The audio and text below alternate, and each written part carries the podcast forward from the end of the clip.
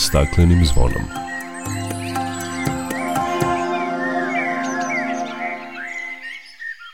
Dobar dan, dobrodošli na Zeleni talas prvog programa radija Radio Televizije Vojvodine. Ja sam Dragana Ratković. Evropska unija dobila je svoj prvi zakon o klimi koji za cilj ima klimatski neutralnu Evropsku uniju do 2050. a mreža za klimatsku akciju Evrope najavila je studiju sa preporukama put ka dekarbonizaciji energetskog sektora do 2050. za zemlje Zapadnog Balkana. Govorit ćemo o novoj uredbi vlade u cilju poboljšanja kvaliteta vazduha, o otvaranju prvog postrojenja za kompostiranje zelenog otpada u Srbiji u Novom Sadu. Upoznaćemo vas sa problemom svetlosnog zagađenja i njegovom uticaju na živi svet i zaštićena područja, a donosimo vam i ekoturističku razglednicu specijalnog rezervata prirode Carska bara. Toliko u najavi emisije o svemu opširnije nakon pozdravne pesma. Dok priroda kraj nas plače, za vladarskim svojim tronom Tužno vele narikače pod staklenim smo zvonom Znaj vazduha više nema Sve Protiv sebe ide čovek i to često bez pardona. Uništenju živog sveta Kao da su ljudi skloni. Čovek sam je sebi meta Zbog njega ovo Uništenju sveta Kao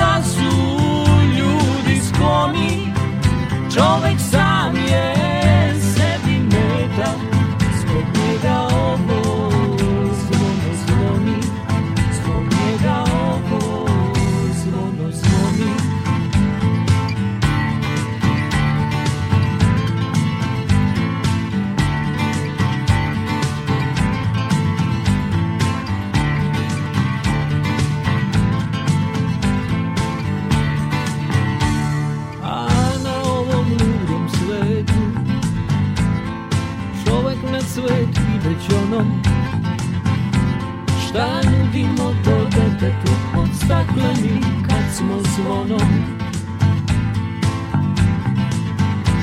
Uništenju živog sveta Kao da su ljudi skloni. Čovek sam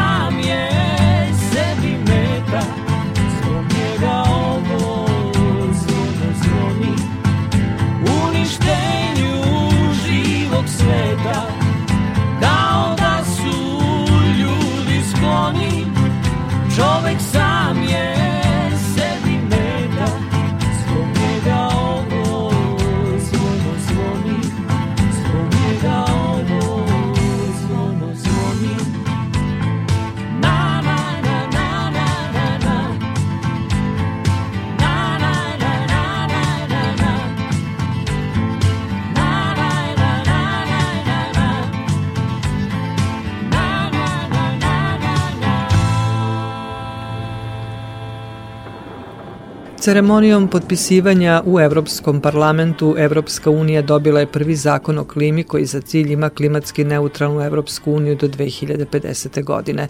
Pored klimatske neutralnosti i postizanja negativnih emisija nakon 2050. Evropski zakon o klimi postavlja i obavezujući klimatski cilj Unije za smanjenje neto emisija gasova s efektom staklene bašte za najmanje 55% do 2030. u poređenju sa 1990. godinom. A sutra Mreža za klimatsku akciju Evrope sa partnerskim organizacijama iz Evrope i regiona objavit će studiju sa preporukama put ka dekarbonizaciji energetskog sektora do 2050. za zemlje Zapadnog Balkana, što je predviđeno Parijskim sporazumom kao i nedavno potpisanom Sofijskom deklaracijom. Veoma je važno da se podstaknu državni lideri svih šest zemalja regiona kako bi napravili realne i ciljene klimatske akcione planove, a ne samo političke deklaracije i da tokom planiranja uključe kako energetske eksperte, civilni sektor, tako i lokalne zajednice, sindikate iz pogođenih regija i na taj način osiguraju pravednu energetsku tranziciju, kažu u mreži za klimatsku akciju Evrope.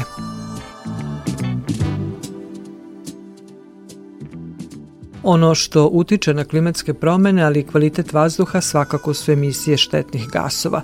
Ministarka zaštite životne sredine Irena Vujović izjavila je da su na sednici vlade Srbije usvojene izmene i dopune uredbe o graničnim vrednostima emisije zagađujućih materija u vazduh, kojom su u cilju napređenja kvaliteta vazduha prvi put obuhvaćeni objekti čija delatnost ima uticaj na zagađenje vazduha. Bolji kvalitet vazduha je i za vladu Srbije i za ministarstvo apsolutni prioritet i zato smo pojedine odredbe ovog dokumenta unapredili kako bismo efikasnije rešavali problem aerozagađenja. Budući da se veliki broj pritužbi građana odnosi na pravna lica, odnosno mala postrojenja koja su izvor zagađenja, u skladu sa izmenama uredbe, kontrola tih objekata će biti u nadležnosti inspekcije za zaštitu životne sredine, kaže ministarka Vujović. Novim propisom dobit će se i podaci o ukupnom učešću malih zagađivača, jer će i oni biti predmet periodičnog merenja i izveštavanja. Primenom uredbe, Agencija za zaštitu životne sredine preći će na elektronsko izveštavanje ka Nacionalnom registru izvora zagađivanja.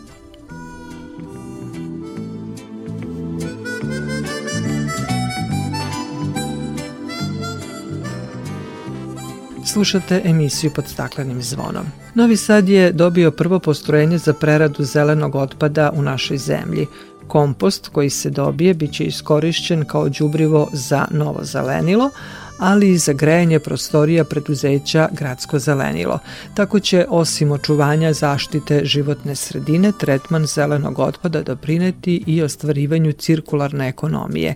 Izgradnju postrojenja u okviru projekta Upravljanje otpadom u kontekstu klimatskih promena finansirali su Nemačka organizacija za međunarodnu saradnju GIZ sa skoro 400.000 evra i grad Novi Sad koji je izdvojio 40 miliona dinara. Opširnije Jovana Golubović. Podrška primjeni zelene agende jeste fokus Nemačke razvojne banke KfW i Giza, a u skladu sa tim i pomoć Srbiji da postane klimatski neutralna do 2050. godine, rekao je ambasador Nemačke Thomas Schieb prilikom obilaska postrojenja. Implementing the green agenda is no doubt a very ambitious Primjenjivanje zelene agende je veoma ambicion proces koji može doprineti transformaciji i poboljšanju ekonomije. Deo ove nove cirkularne ekonomije nije samo smanjenje otpada i proizvodnja reciklažnog materijala, već je prisutan i u temama koje se odnose na zapošljavanje i stvaranje novih mesta. Uh, increasing uh, economic uh, efficiencies. Prema ambasadorovim rečima, u Nemačkoj ima više od 600 kompostnih polja na kojima se prerađuje oko 15 miliona tona bio otpada godišnje, a ta industrija zapošljava hiljade ljudi i značajno doprinosi bruto domaćem proizvodu. On je dodao da će na kompostnom polju koje se nalazi u okviru novosadskog preduzeća Gradsko zelenilo biti sakupljena biomasa i iz okolnih opština i time će 785.000 ljudi imati benefit od ovog vida reciklaže.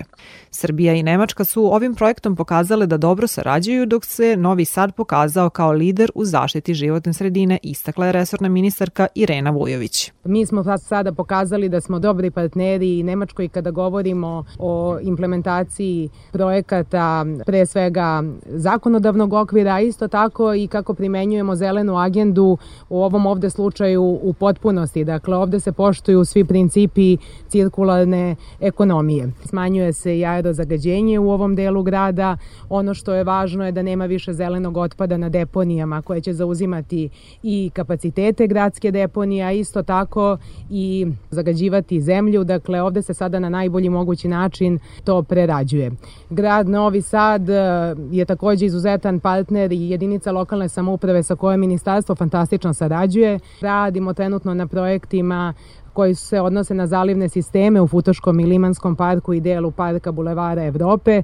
Takođe učestvujemo u sufinansiranju ozelenjavanja grada i naravno da je to tek početak jedne dobre saradnje, da će biti još ovakvih i sličnih projekata, a isto tako i grad Novi Sad očekuju i velike zelene kapitalne investicije. Za projekat zalivnih sistema u Novom Sadu Ministarstvo zaštite životne sredine ove godine izdvojilo nešto više od 90 miliona dinara, dok je grad za tu svrhu predvideo 30 miliona, rekao je gradonačelnik Miloš Vučević i podsjetio na druge projekte koji su u pripremi. Ono što nas čeka kao veliki, veliki zahvati su regionalna deponija, gde radimo i gde smo na polju sa evropskim partnerima. Verujem da ćemo početkom sledeće godine imati spremnu dokumentaciju za raspisivanje javnog poziva po žutom fidiku, odnosno žutoj knjizi Design and Build, odnosno projekat i izvođenje i da ćemo dotle uspeti da napravimo finansijsku konstrukciju. Tu očekujemo veliki, veliko učešće granta evropskih partnera iz fondova i naravno uz podršku ministarki Joksimović i čeka nas Ja verujem, veoma brzo potpisivanje sporazuma oko izgradnje centralnog prečistača za otpadne vode u Novom Sadu. Vučević je dodao da je u planu obnavljanje 100 km kanalizacione mreže u gradu, izgradnja kanalizacije u Kisaču i na Čeneju, kao i atmosferske kanalizacije na Klisi.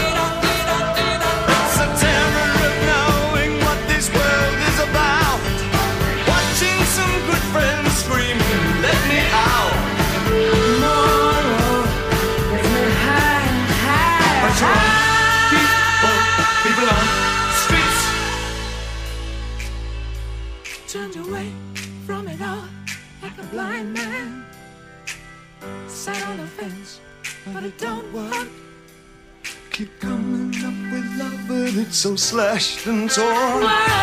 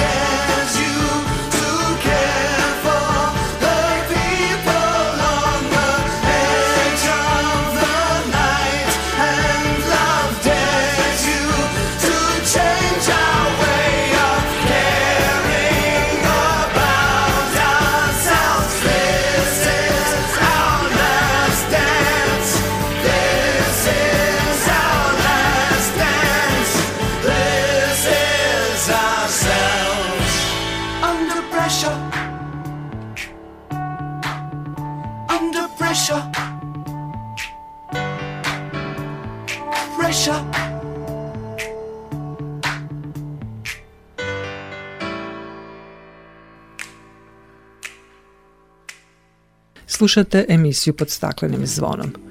U ravnoj Vojvodini zbog nepostojanja većih reljefnih prepreka svetlosno zagađenje iz naseljenih sredina se nesmetano širi i prekriva nebeski svod iznad zaštićenih područja ugrožavajući živi svet. Nevladina organizacija Carpe Noctem u okviru projekta Fruška gora ispod Zvezdanog mora organizuje danas od 19.30 četvrtu astrošetnju koja kreće iz Bukovca preko Stražilova uz Stražilovački potok ka Vidikovcu iznad Bukovca. Astro šetnja se organizuje na Fruškoj gori jer se ona nalazi u neposrednoj blizini Novog Sada, odakle se emituje najveća količina svetlosti. Cilj je da se građani upoznaju sa problemom svetlosnog zagađenja i njegovom uticaju na živi svet i zaštićena područja. O tome šta je svetlosno zagađenje i kako ono utiče na nas i na prirodu, reći će nam predsednica udruženja Carpe Noctem Dajana Bjelajac. Ona je počela se izučava tek početkom 2000. godine onako ozbiljno, a prvo istraživanje je bilo tek 1972. godine objavljeno, tako da mi vidimo kad poredimo sa nekim drugim oblicima e, zagađivanja životne sredine koliko je to mlad pojam. Što se tiče same definicije svetlosnog zagađenja, možemo to jednostavno da objasnimo prosto kao izmenu prirodnog nivoa svetlosti u životnoj sredini u noćnim satima zbog velikog broja veštačkih izvora svetlosti to sad mi govorimo o spoljašnjoj, prirodnoj, životnoj sredini, ali mi moramo uzeti u obzir da mi formiramo našu životnu sredinu u, našim stanovima, dakle ta neka veštačka životna sredina koja takođe imamo problem svetlosnog zagađenja, ali ga možemo definisati kao onaj nivo svetlosti, intenzitet i spektar svetlosti koji negativno utiče na naše zdravlje.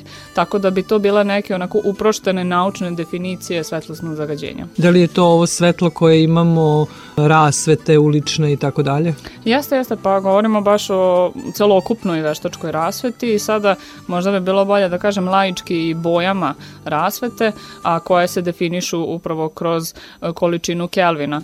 Kada govorimo o LED rasveti, često ljudi poistovećuju LED rasvetu samo sa onim belim osvetljenjem, koje ima oko 6000 Kelvina. Gotovo sva bela rasveta ili plavičasta ima preko 3000, a najčešće potrebljavamo onu koja ima 6000. Međutim, vi možete imati LED rasvetu, isto tako je ekonomski i energetski efikasnu, ispod 3000 Kelvina koja emituje te e, naranđaste, žute boje. Kako to uopšte utiče na nas, na prirodu, na ljude? Moramo se pre svega prvo pitati, to jest podsjetiti da je čovek deo živog sveta, iako se mi često odvajamo od ostatka živog sveta i moramo uzeti u obzir da smo se mi isto tako razvijali pod cikličnoj smeni dana i noći. I na isti način i naš organizam je razvio neke biološke funkcije, odnosno procese koji se odvijaju ili samo u toku dana ili samo u toku noći. I onda kada mi dođemo u situaciju da faktički produžimo taj svetao deo dana u noćne sate, da li onda mi možemo da ispunimo sve naše biološke funkcije koje se dešavaju isključivo u toku noćnih sati.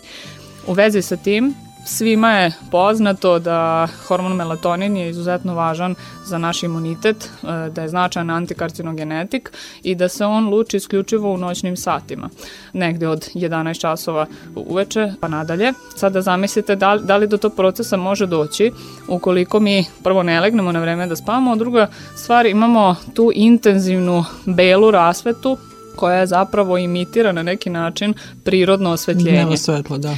Dakle, e, okidač za lučenje melatonina možemo reći da je upravo ta tama, prirodna tama i samo tada naš organizam može zaista da uđe u tu fazu oporavka koja nam je potrebna u toku noćnih sati. Da možda malo bolje možemo da shvatimo koliko zaista onda e, svetlo utiče na nas jer većina i mladih i studenta uči recimo noću, ima onih koji rade noću i tako dalje.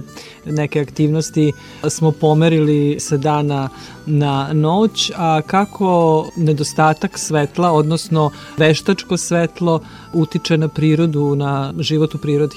Pa ja bih se možda samo na kratko nadovezala upravo na ovo što ste spomenuli, da mi često učimo u toku noćnih sati i nekako ja čvrsto verujem da to uh, nije prirodno za čoveka da, i da nije nešto što je nekom prirodno stanje da uči u ovim satima, prosto uh, radi se o tome da smo mi u noćnim satima mirni zato što nema spolja šta da nas aktivira, dakle uglavnom se to nekako smiri, uh, svesni smo da do sutra moramo da rešimo problem pa se onda i tekako zdamo u to, uh, međutim sigurno su to i građani primetili da na svim novim tehnologijama, na telefonima, monitorima, televizorima imate onu opciju da upalite noćni režim, pa onda vam se odjednom ekran iz tog belog svetla prebaci u žuto ili neko malo privlačnije svetlo u noćnim satima, upravo iz tog razloga što se na taj način malo manje ta rasveta koju dobijamo i od naših ekrana, ne samo od veštačke rasvete, utiče na naš vid i uopšte na naše umirenje za san. E sad što se tiče prirode, isto kao što i na naš biološki sat utiče rasveta, utiče i na ostatak živog sveta. Na šta najviše utiče e, veštačka rasveta? Pa utiče na migratorna kretanja pojedinih životinskih vrsta koji recimo migriraju isključivo toku noćnih sati, a, a neretko se oni orijentišu isključivo uz pomoć ove prirodne svetlosti, a to je svetlost koja dolazi od udaljenih nebeskih tela kao što su zvezde ili refleksije sunčevih zrakova od meseca i drugih nebeskih tela. I sad vi zamislite, to je veoma veoma onako mala količina osvetljenja na osnovu koje se oni orijentišu, a onda imate neke gradove koji emituju ogromnu količinu svetlosti i prosto dolazi da, do zbunjivanja. Da, kažemo obično e, blješti kao Las Vegas. Obično. Jeste, jeste, jeste. I nije samo Las Vegas u problemu. Pa i naši svi gradovi sada malte ne su noći osvetljeni svi. Nije samo ni da je jedan grad pojedinačni problem, nego mi imamo situaciju da je čitava zapadna Evropa maltene preosvetljena i vi sada, nebitno što mi možda u Novom Sadu ćemo postaviti ekološku rasvetu, pa onda nećemo toliko uticati recimo na Frušku goru, ako Beograd sa druge strane ne uradi ništa po tom pitanju. Iz razloga što recimo zagađenje nekog potoka može da bude lokalnog tipa. Mi smo svesni da je jedan potok zagađen i mi ćemo se potruditi da koliko toliko od izvorišta do ušća sredimo taj problem. Ali vi sa rasvetom vi nemate nikakvu fizičku pre... ukoliko nemate fizičku prepreku, svetlost putuje. Tako da ovaj to je onako više regionalni problem nego što je lokalne prirode.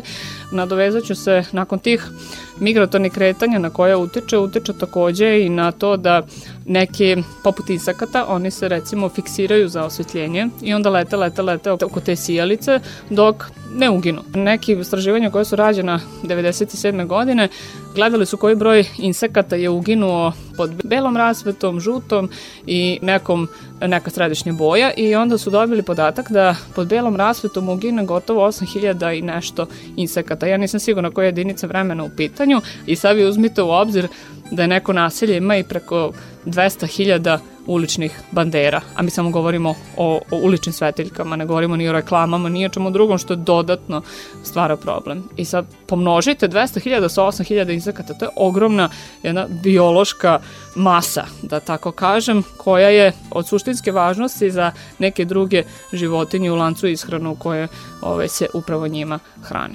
Mi prosto ne možemo ni da zamislimo da nemamo uličnu rasvetu. Mi smo evo navikli na to da imamo osvetljenje tokom noći i da nam to svakako pomaže u, u našem svakodnevnom životu, ali koliko je važno da, da nekako i osetimo tu tamu i da, da osetimo svetlost i vidimo e, svetlo zvezda i, i nebeskih tela ukoliko nemamo pogled ka udaljenim nebeskim telima, možemo se zaista zapitati da li se mi to zatvaramo u neku vrstu antropocentrične svetlosne kupole iznad gradova u kojima mi nemamo prizor udaljenih nebeskih tela i, nemamo zapravo taj osjećaj skromnosti kada pogledamo nešto mnogo veće od nas, je li tako?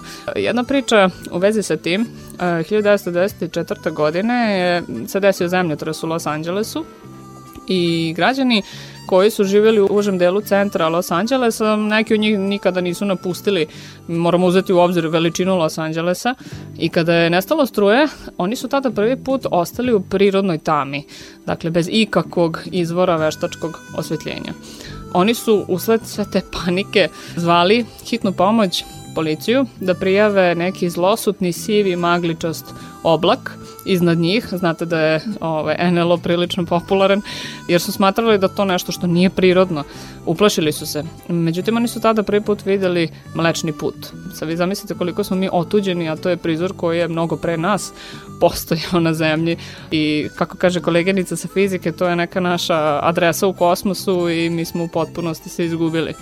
To je jedan primer, a to nije bilo tako davno. E, neki naučnici smatruju da će doći do izumiranja iskustva, a to znači da naše generacije, mlađe generacije, pa čak već početkom 2000. godina, većina nas koji živimo u urbanim sredinama, ako ciljano ne idemo pod zvezdano nebo, udaljeno od gradskih sredina, zapravo nemamo iskustvo zvezdanog neba. Nemamo iskustvo kako to izgleda u prirodnoj sredini kada pogledate u nebo u noćnim satima i vidite gomilu zvezda i kako onda mi da znamo da postoji problem. Dejana, hvala lepo za razgovor, što ste nam uopšte razjasnili šta je to svetlosno zagađenje, ali za sam kraj da nam kažete kako, pošto živimo u 21. veku i sigurno da su mogućnosti korišćenja raznih izvora osvetljenja da će biti sigurno još veće,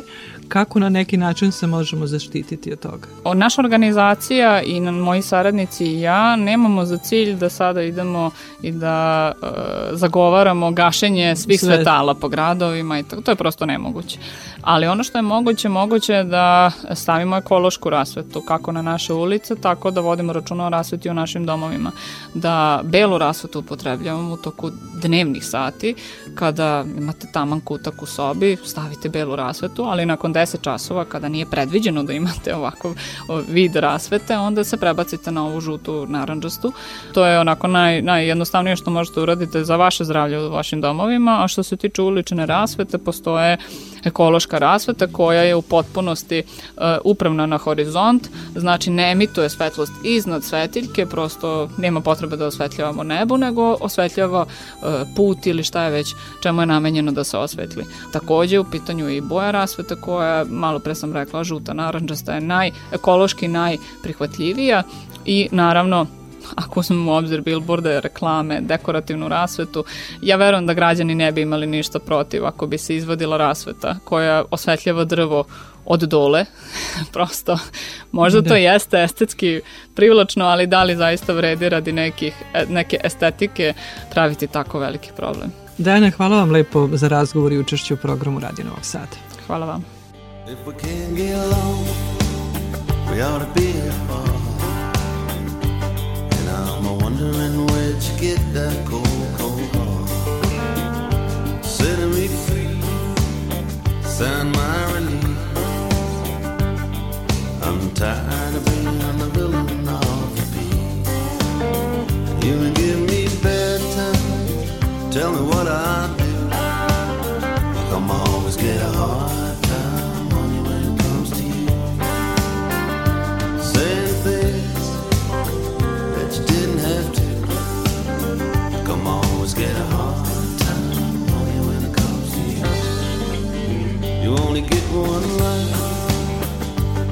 I know. I wanna get my legs in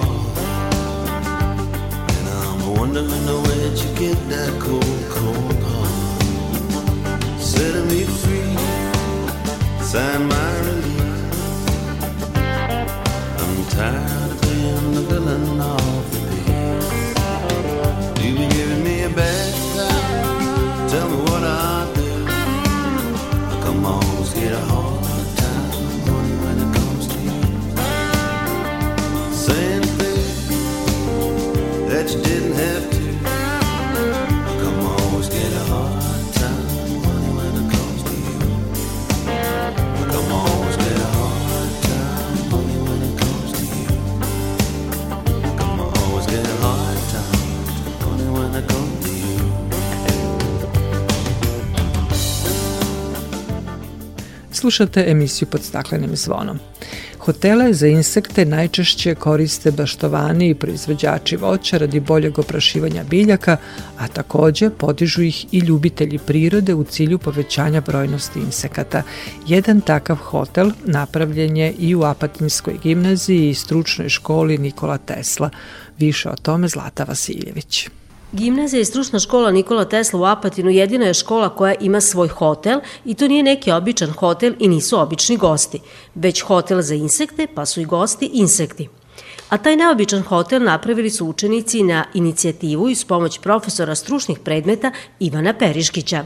Bilo je ono sto pitanja šta će biti ovo, ja kažem hotel za insekte. Pa nemoguće, nije stvarno i onda kako smo realizovali i kad smo napravili još nije bila gotova tabla, E onda je bilo još pitanja dok nismo montirali. A kakav bi hotel za insekte bio nego od drveta? Različite vrste drveta, nešto od trulog do zdravog drveta. Zato što svaki insekt ima neko stanište svoje, da li je to sveže posečeno drvo, da li je trulo, da li je suvo i različite vrste drveta.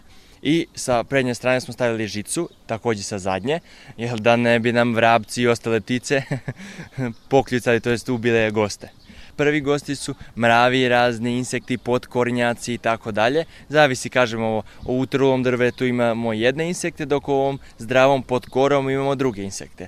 Ali za početak prvih dana stigli su gosti, rezervacije su u toku, tako da... Mesta ima? Mesta ima dovoljno, a ako nema pravit ćemo mi još drugi deo Hotel za insekte nije jedino što su Ivan i njegovi učenici uradili u školi. Tabla na ulazu u školu, teretana na otvoreno, praktični su radovi Ivanovih đaka. Čak su neki učenici ostajali i duže. Radili smo, ja sam predavao praksu 6 časova prepodne sa jednom godinom i onda je posle podne sa drugom. Neki su čak ostajali 12 časova iz profesor, mi ćemo to završiti. To će biti veliko zadovoljstvo jednog dana kad završimo školu i vratimo se nakon 5-10 godina i da vidimo nešto što smo mi uradili, što je bio nekako dar našoj školi, da smo bili korisni i pre svega naučili mnoge stvari. Mi ovde često dovodimo decu iz osnovne škole koji su naši budući učenici, dovodimo decu od vrtića, iz vrtića, pristuju nekad i časovima, smatramo da je to jedan od, ovaj, od dobrih načina međuvršnjačke edukacije, da ih privikavamo na ambijent, škola da bude, treba da bude sigurna pre svega, bezbedna i prijatna sredina za učenike. Naša škola je otvorena 24 sata.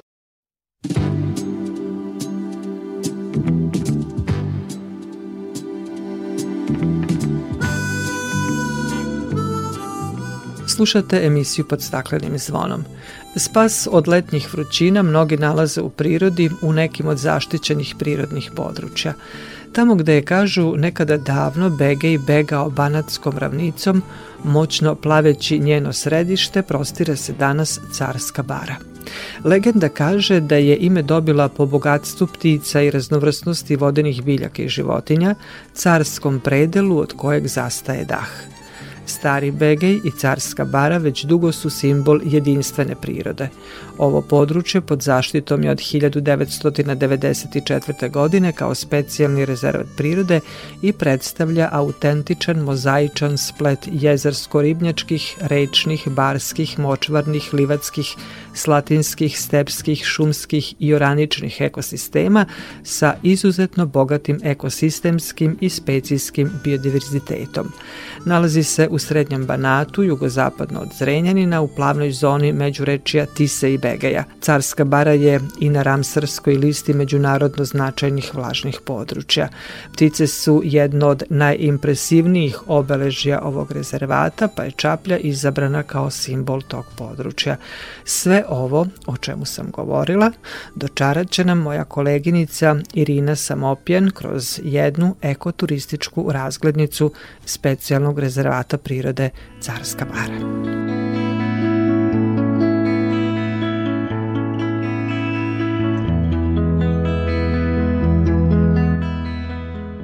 Došla sam u specijalni rezervat prirode Carska bara.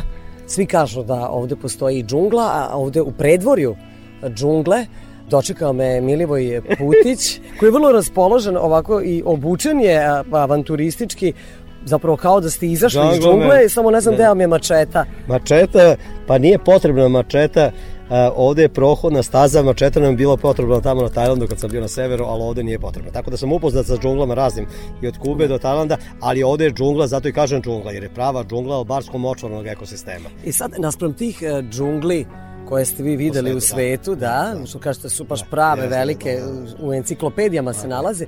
Kako je ova naša naspram tih? Ova naša banatska vojvođanska džungla je vrlo slična onim džunglama s tim da su drugačije biljke, drugačije životinje, znači životinje i biljke barsko-močvarnih ekosistema, nisu planinske, nisu tropske, znači ovde imamo od tipa uh, hrasta lužnjaka do crnog gaveza, Naravno ima tu i koprive, razno drugog lekovitog bilja, vodenog oraška na vodi, kroz o, na ovim vodama u Barskom močovnom ekosistemu, rogozara, trske, znači sve što je karakteristično za barsko-močvane džungle, to imamo ovde u našem rezervatu.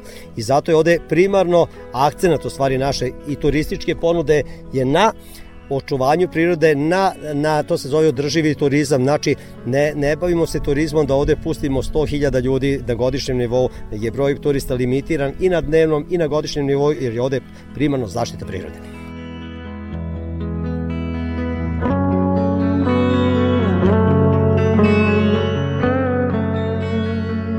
Šta podrazumeva zaštita prirode u jednom savremenom društvu? To znači da se mora platiti i ulaz, e, iako želimo da šetamo kroz džunglu, odnosno kroz vaš specijalni rezervat, a iako želimo, na primjer, da se vozimo brodićem po starom Begaju, ili pak da iznajmimo bicikl ili neka druga prevozna sredstva. Vesla, da. E, dakle, plaća se ulaz, koliko je ulaz da znaju oni Sve se plaća, ovde se plaća ulaze što, na izleti, što u trećoj zoni zaštite ne plaća se ništa. To ste videli, imamo ovaj ugostiteljski objekat mali gde se može popiti sok, pivo, sladoled, kafa, ovamo ulaz baš u džunglu, carske bare 150 dinara, ulaznica, celodnevna. Znači, to je za stazu zdravlja, za stazu koliko zdravlja, je dugačka? Celodnevni boravak, znači na stazi zdravlja u rezervatu u džungli carske bare 150 dinara za odrasle, 100 dinara za školski uzrast, preškolski ne plaća ništa.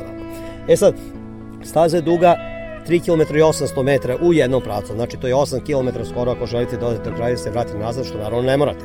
Vi možete otići 800 metara. Na 800 metara ima jedna drvena staza preko mrtve starog bege kojim inače plovimo sa jednom platformom. Možete tamo boraviti, sedeti, slušati ptice, pevačice, družiti se sa prirodom, što kažemo mi, slušati zvuke, tešine i pesmu prirode, uživati u prirodi ili otići do kraja staze ako ste sportski raspoloženi uz neki određeni brži tempo malo, vratiti se nazad, znači dati malo što bi rekli u šali gas, da udišete čist vazduh u ovoj našoj, to je u stvari šuma. na samom ulazku u specijalni rezervat prirode Carska bara, vi tu ordinirate, prodajete ulaznice za bilo koji vid uh, turizma Tako je, za koji se da. odluče posetioci, tu postoje i magneti. Ja bih sad voljela, pošto ste pričali da. o e, biljnom svetu, ajmo sad samo da pogledamo kakvih ima ptica, a najbolje se to može videti o, ako priđemo vašim magnetima sad, i na svakom je uslikana jedna ovo, ptica pazi, baš u svom prirodnom staništu. Ba, I baš je ovde u foto, fotografiji, baš u baš Carskoj bari, bari, jer to je moj prijatelj Predrag Kostin, inače poznat fotograf što se tiče prirode, fotografije su baš ovde i zato smo mi uradili ove ovakve magnetiće. E sad, kakvih ima ptici, e, koje su njihove karakteristike? Ali ako krenem sa tim, to će da... Ali svedite to na... inspiraciju, pa će da bude jako dugač. Ništa, ovako najosnovnije neke. Ovo vam je velika siva čaplja, sad dobro to se ne čuje, ali ja pokazujem velika siva čaplja fotografisana u Tiganjici, delu rezervata u jednoj od tri bare koje su u sastavu rezervata. Rezervat ima tri bare, Tiganjicu, Perolsku baru i Carsku baru, koje su u prvoj zoni zaštite, i Mrtva i Starog Begija. To su četiri bitna segmenta od kojih se sastoji rezervat. Ovo je fotografisano baš u Tiganjici, recimo u kolonije Sivi Čaplje. Tamo sam ja vodio u prvoj zoni zaštite kad dobio neke ekipe snimatelja posebnu dozvolu od Zavoda za zaštitu prirode, fotografe, pa sam vodio baš tamo, pa smo tamo to uradili tu fotografiju.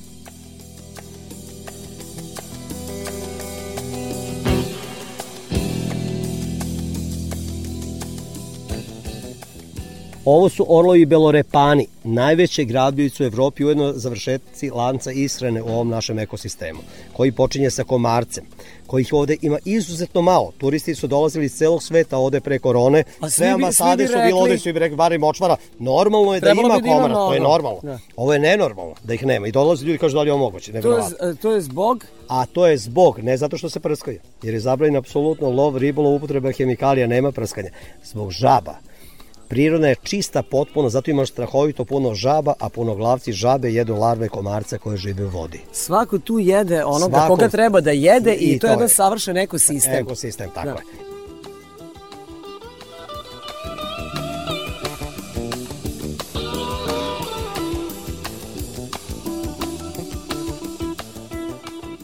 E sad, ako pazi, ako neki kalarva komarca preživi napad punoglavca i sleti, tog komarca odraslog u letu dočekuju vilini konjici. Ima ih ovde 18 vrsta. I hvataju komarca u letu, a noću slepi miševi. Zato mi nikada nemamo problema sa komarcima. Ima po neki. Kad ne bi bio ni jedan, bila bi neka ekološka katastrofa. Ali ima ih izuzetno malo. Ja odem na tisu, meni komarci ulaze u oči, u uši, u nos. Ne mogu predveče, ne mogu da opstane ovde. Dođete ono izuzetno malo komaraca. Tako da je, da je to neverovatna stvar.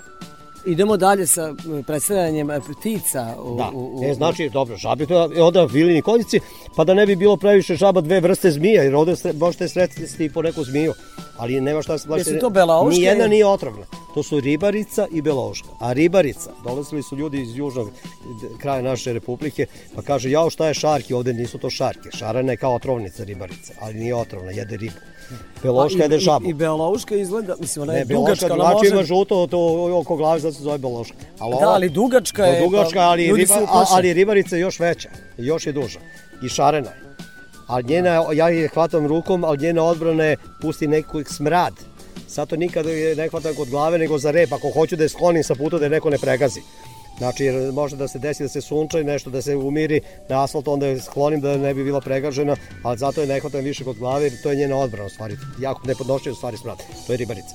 Ona pojede žabu, ribarica ribu, biološka žabu, rekli smo čaplja, jedino ovdje imamo svih 10 vrsta čaplji koje postoje u Evropi.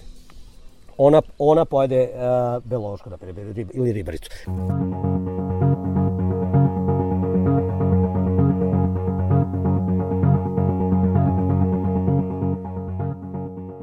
Ovo je jedna od vrsta čaplja, ovo što vidimo ovdje izgleda kao pingvin. To je noćna čaplja gak. Kažu na engleskom je night heron. Noćna čaplja i Ona je... samo noću lovi. E, preko godine, ali sada, u ovo doba godine lovi preko dana. E sad zašto lovi? I to samo mužjaci lovi preko dana. A zašto lovi preko dana? Zato što ovo doba godine koje je ujedno i najinteresantnije po meni za obilazak rezervata, pošto ima malih ptića puno i mladunčadi, sve se sada ima puno mladunčadi, sve juri za hranom da nahrani svoju mladunčad. Zato su najaktivniji u ovo doba godine.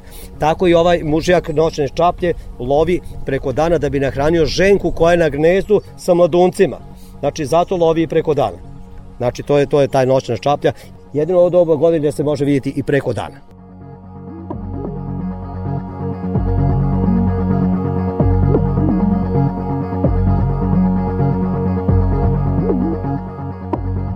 Znate što, koja ptica mi je bila? E sad ne možemo baš sad da pomenemo. ova- oj, e, ta, ta to je mala. najma, najmanja ptica na svetu koja se hrani ribom.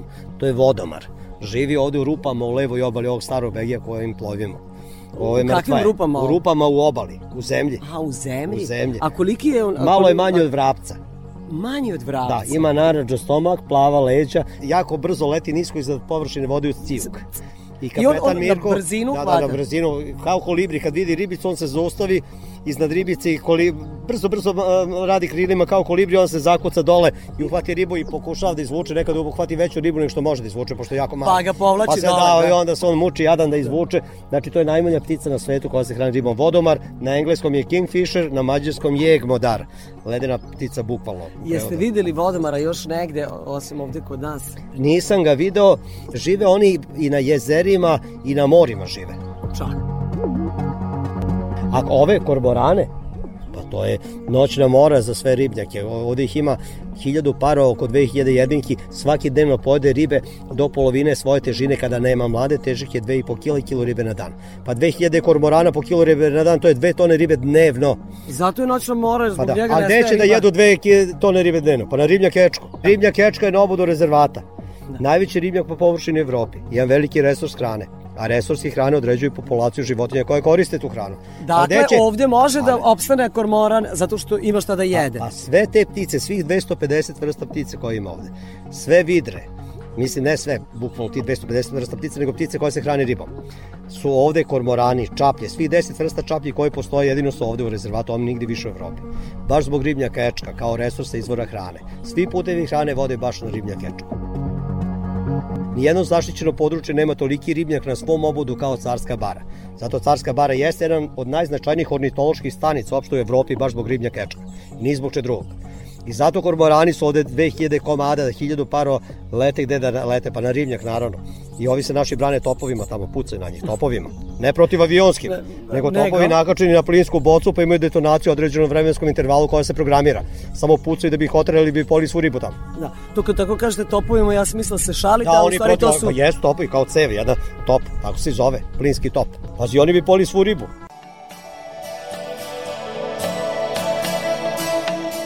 Nastavljamo razgovor. Dakle, kakve sve mogućnosti ovde imamo ako smo turista? Ako, dakle, imamo brodice. Imamo čamac na vesla, imamo stazu kroz džunglu Carske bare, imamo bicikl, ali sopstvenim biciklom. Ne može se ovde iznajmiti bicikl. Ne, Moramo dovesti svoj. Moramo dovesti svoj bicikl 21 km nasipom oko rezervata.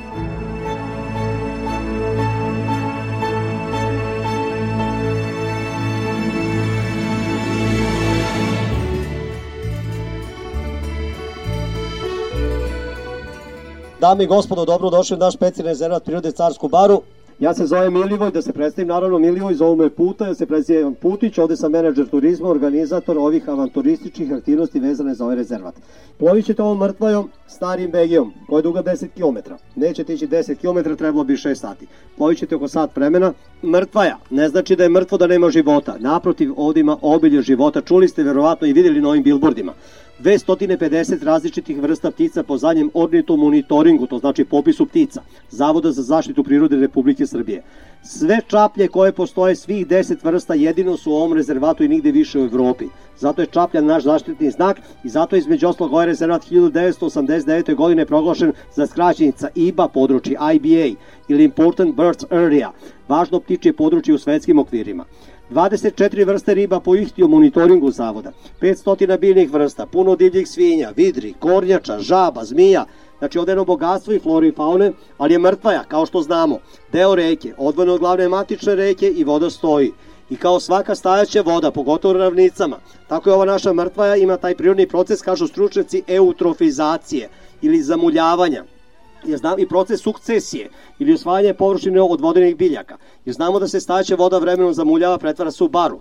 Kasnije godinama bara se pretvara u močvaru. Močvara još manje vode, još više mulja, još više biljaka i na kraju močvara se pretvori u livadu.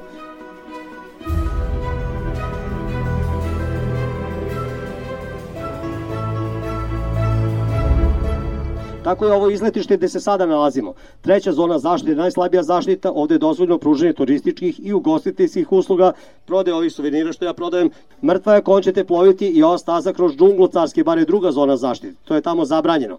Nema ugostiteljstva, nema suvenira, čist turizam, to se zove održivi turizam ili održivi razvoj turizma.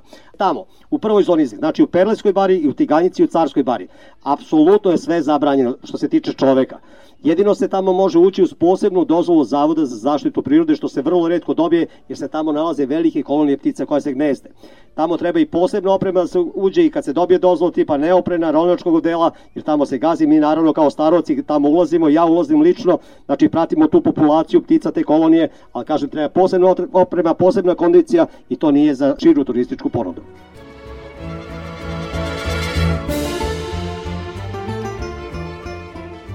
Zašto carska bara ima taj epitet carska? Dakle, zašto se baš zove to je, carska To je naziv vezan za ime jednog poreklom Jermenina, Lazara Lukača, koji je još davne 1781. godine na licitaciju u Beču kupio ovaj deo Banata sa svim ovim okolnim selima. On je bio jermenin, jermenstvo porekla i onda da bi dobio grofusku titulu se pokatoličio, pa su mu prezime Lazaro promenili u Lazar, posle mu Lazar bilo prezime Luka Čime. I onda je 1795. doveo Mađari iz okoline Segedina i osnovao ovde Lukino selo na riblje, kod Ribnja Kečka, to su bili radnice na njegovom imanju, a 1820. njegov naslednik Agošton je napravio dvorac Kaštel u u selu neposrednoj blizini ovde. I 29. augusta 1820. napravio veliki bal svečano otvaranje, pa je na taj bal jedan tadašnji poznati grof Hazi, inače veliki mecena umetnosti, doveo tadašnjeg Wunderkinda, kasnije čuvenog kompozitora i pijanistu, malog devetogodišnjeg Franz Lista koji je svirao na tom balu i svojim virtuoznošću i sviračkim umećem oduševio sve prisutne zvanice. Evo, tada su često pravili balove za te poznate ličnosti iz Austrugarske carevine, a posle balova za njih su organizovali i lov. Pravilno se gramatič kaže lovove. Mada to mene kao muzičar luči da kažem lovove. Gde su išli su u lovove. Nisi stvarno mi zvuči da malo ne. Više puta su da, išli u lov. Da, da, da, da, u lov i gde su dolazili da love pa baš ovde pa je po njima dobila naziv carska bara, ali kogod je lovio ovde, svi su imali nesrećne sudbine u životu, pa je tu lovio princ Rudolf, sina od cara Franca Jozefa, pa je posle lova ovde Prvo su objavili da izvršio samoubistvo, posle nekoliko desetina godina se obelodanilo da su ubili njega i njegovu malotnu ljubavnicu, 17-godišnju Mariju Večeru. A ubili su, stvari on nije odgovarao nekim političkim strukturama u vrhušku tadašnje monarhije, bio je vrlo razvratan, harizmatičan, išao po celo svetu, lovio, zarazio čak i polnim bolestima, više od pola dvora i više nisu znali šta će s njim, pa ga likvidirala ove tajne službe. Ova Marija jedan se našla kao kolateralna šteta, verovatno. Pa je lovio kralj Aleksandar Karadžorđić, po ubijenu tatu Marselju, po strugarski preslonanstvnik Franz Ferdinand, kaže da se oni tajno venča tu u kaštelu, pa je posle venčanja i bala došao u lov ovde, posle lova otišao u Sarajevo, sreo Gavrila Principa, pa znamo kako je prošao. Znači, nikako ne ubijati ovde životinje, mada je to strogo zabranjeno još od davne 1955 godine, kad je doneta prva konvencija o zaštiti ovog područja nivou države, jedino možda lovimo, po znacima navoda naravno, kamerom, fotoaparatom, da ne daj Bože ne bismo ubili neku životinju pa da nemamo sreću u životu. To i vama da kažem, ne važi za komarce. Redki su, ali ako se neki pojavi sleti na vas, može slobodno ga klepite, da gubijete, da ne mislite da nećete imati sreće u životu ako ubijete komarca. To da za njih ne važi. Dakle, čuli ste, poštovani slušalci, nikada nemojte da lovite u specijalnom rezervatu prirode Carska bara, i čuli ste kakva je priča, zaista. Ovo je bila jedna zanimljivost Azija, koju smo čuli. Ovo, I za tu priču je čuo i naš stari predsednik Tito. Nikada ovde nije došao da lovi, verovatno je zato da živio duboku starost. Zato se zove Carska vara. Bio je ovo Milivoj Putić, a on je, ili Puta, zovu ga da, tako, da. on uh, radi u specijalnom rezervatu prirode Carska bara i Rimlja Koječka, on je turizmolog po zanimanju, naš ovde turistički vodič. Tako je.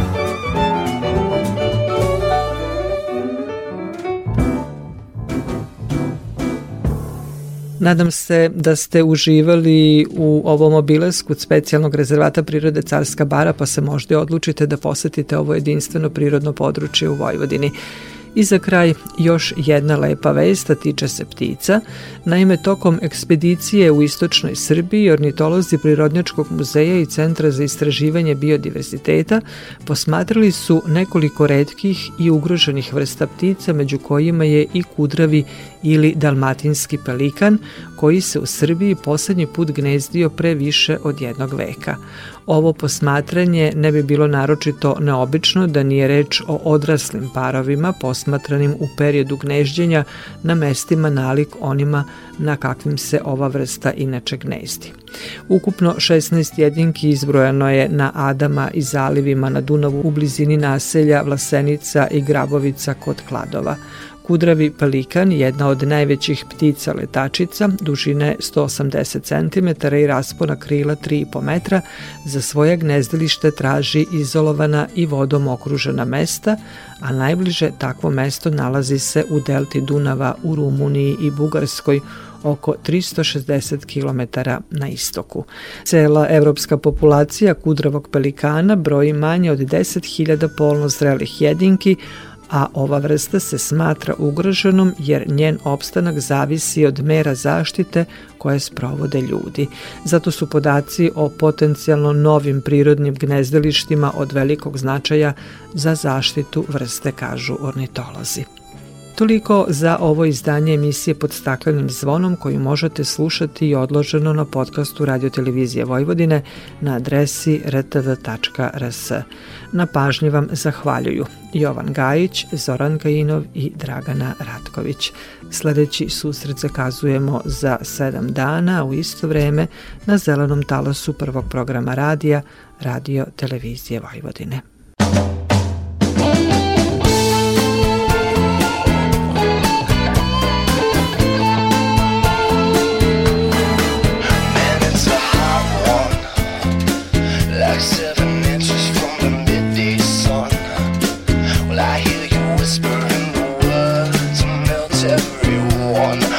justice.